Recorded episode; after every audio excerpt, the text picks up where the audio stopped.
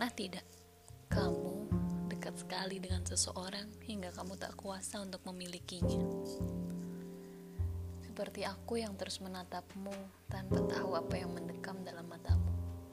Aku selalu menemuimu tanpa perlu memberikan hadirku di tempatmu berada. Aku mendengarmu tanpa perlu aba-aba, begitu saja. Seolah itu adalah kewajibanku. Pada titik itu, aku dan kamu melakukan hal yang sama, berulang-ulang, berdua. Aku tidak keberatan mendengar cerita yang sudah kuhafal di luar kepala. Aku tahu apa yang membuat merasa sedih juga bahagia.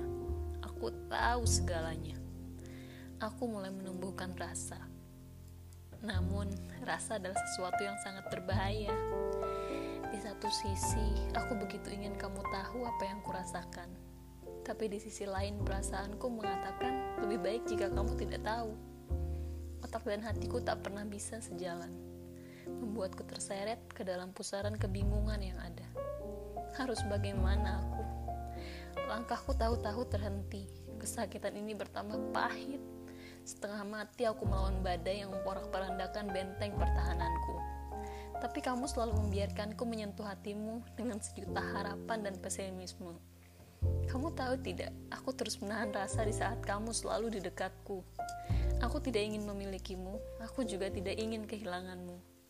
Mengertikah kamu akan sebentuk perasaan ini? Bisakah kita? Bisakah kita tetap berada dalam kondisi yang seperti ini saja? Hingga tidak perlulah kita korbankan apa yang telah kita susun.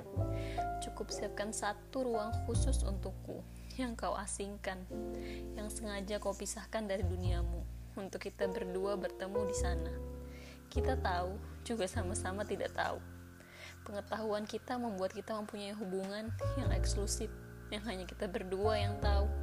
Aku tidak perlu lagi mencari tahu apa arti diriku untukmu. Kamu tidak perlu repot-repot menjelaskannya. Kita berada di ambang batas teman juga kekasih. Begitu sudah cukup. Aku tahu, kamu tahu apa yang aku rasakan. Kamu mungkin tahu Aku tahu apa yang kamu rasakan. Tapi, mari kita terus berpura-pura tidak tahu tentang perasaan kita. Dengan begini, aku tidak perlu takut kehilangan kamu.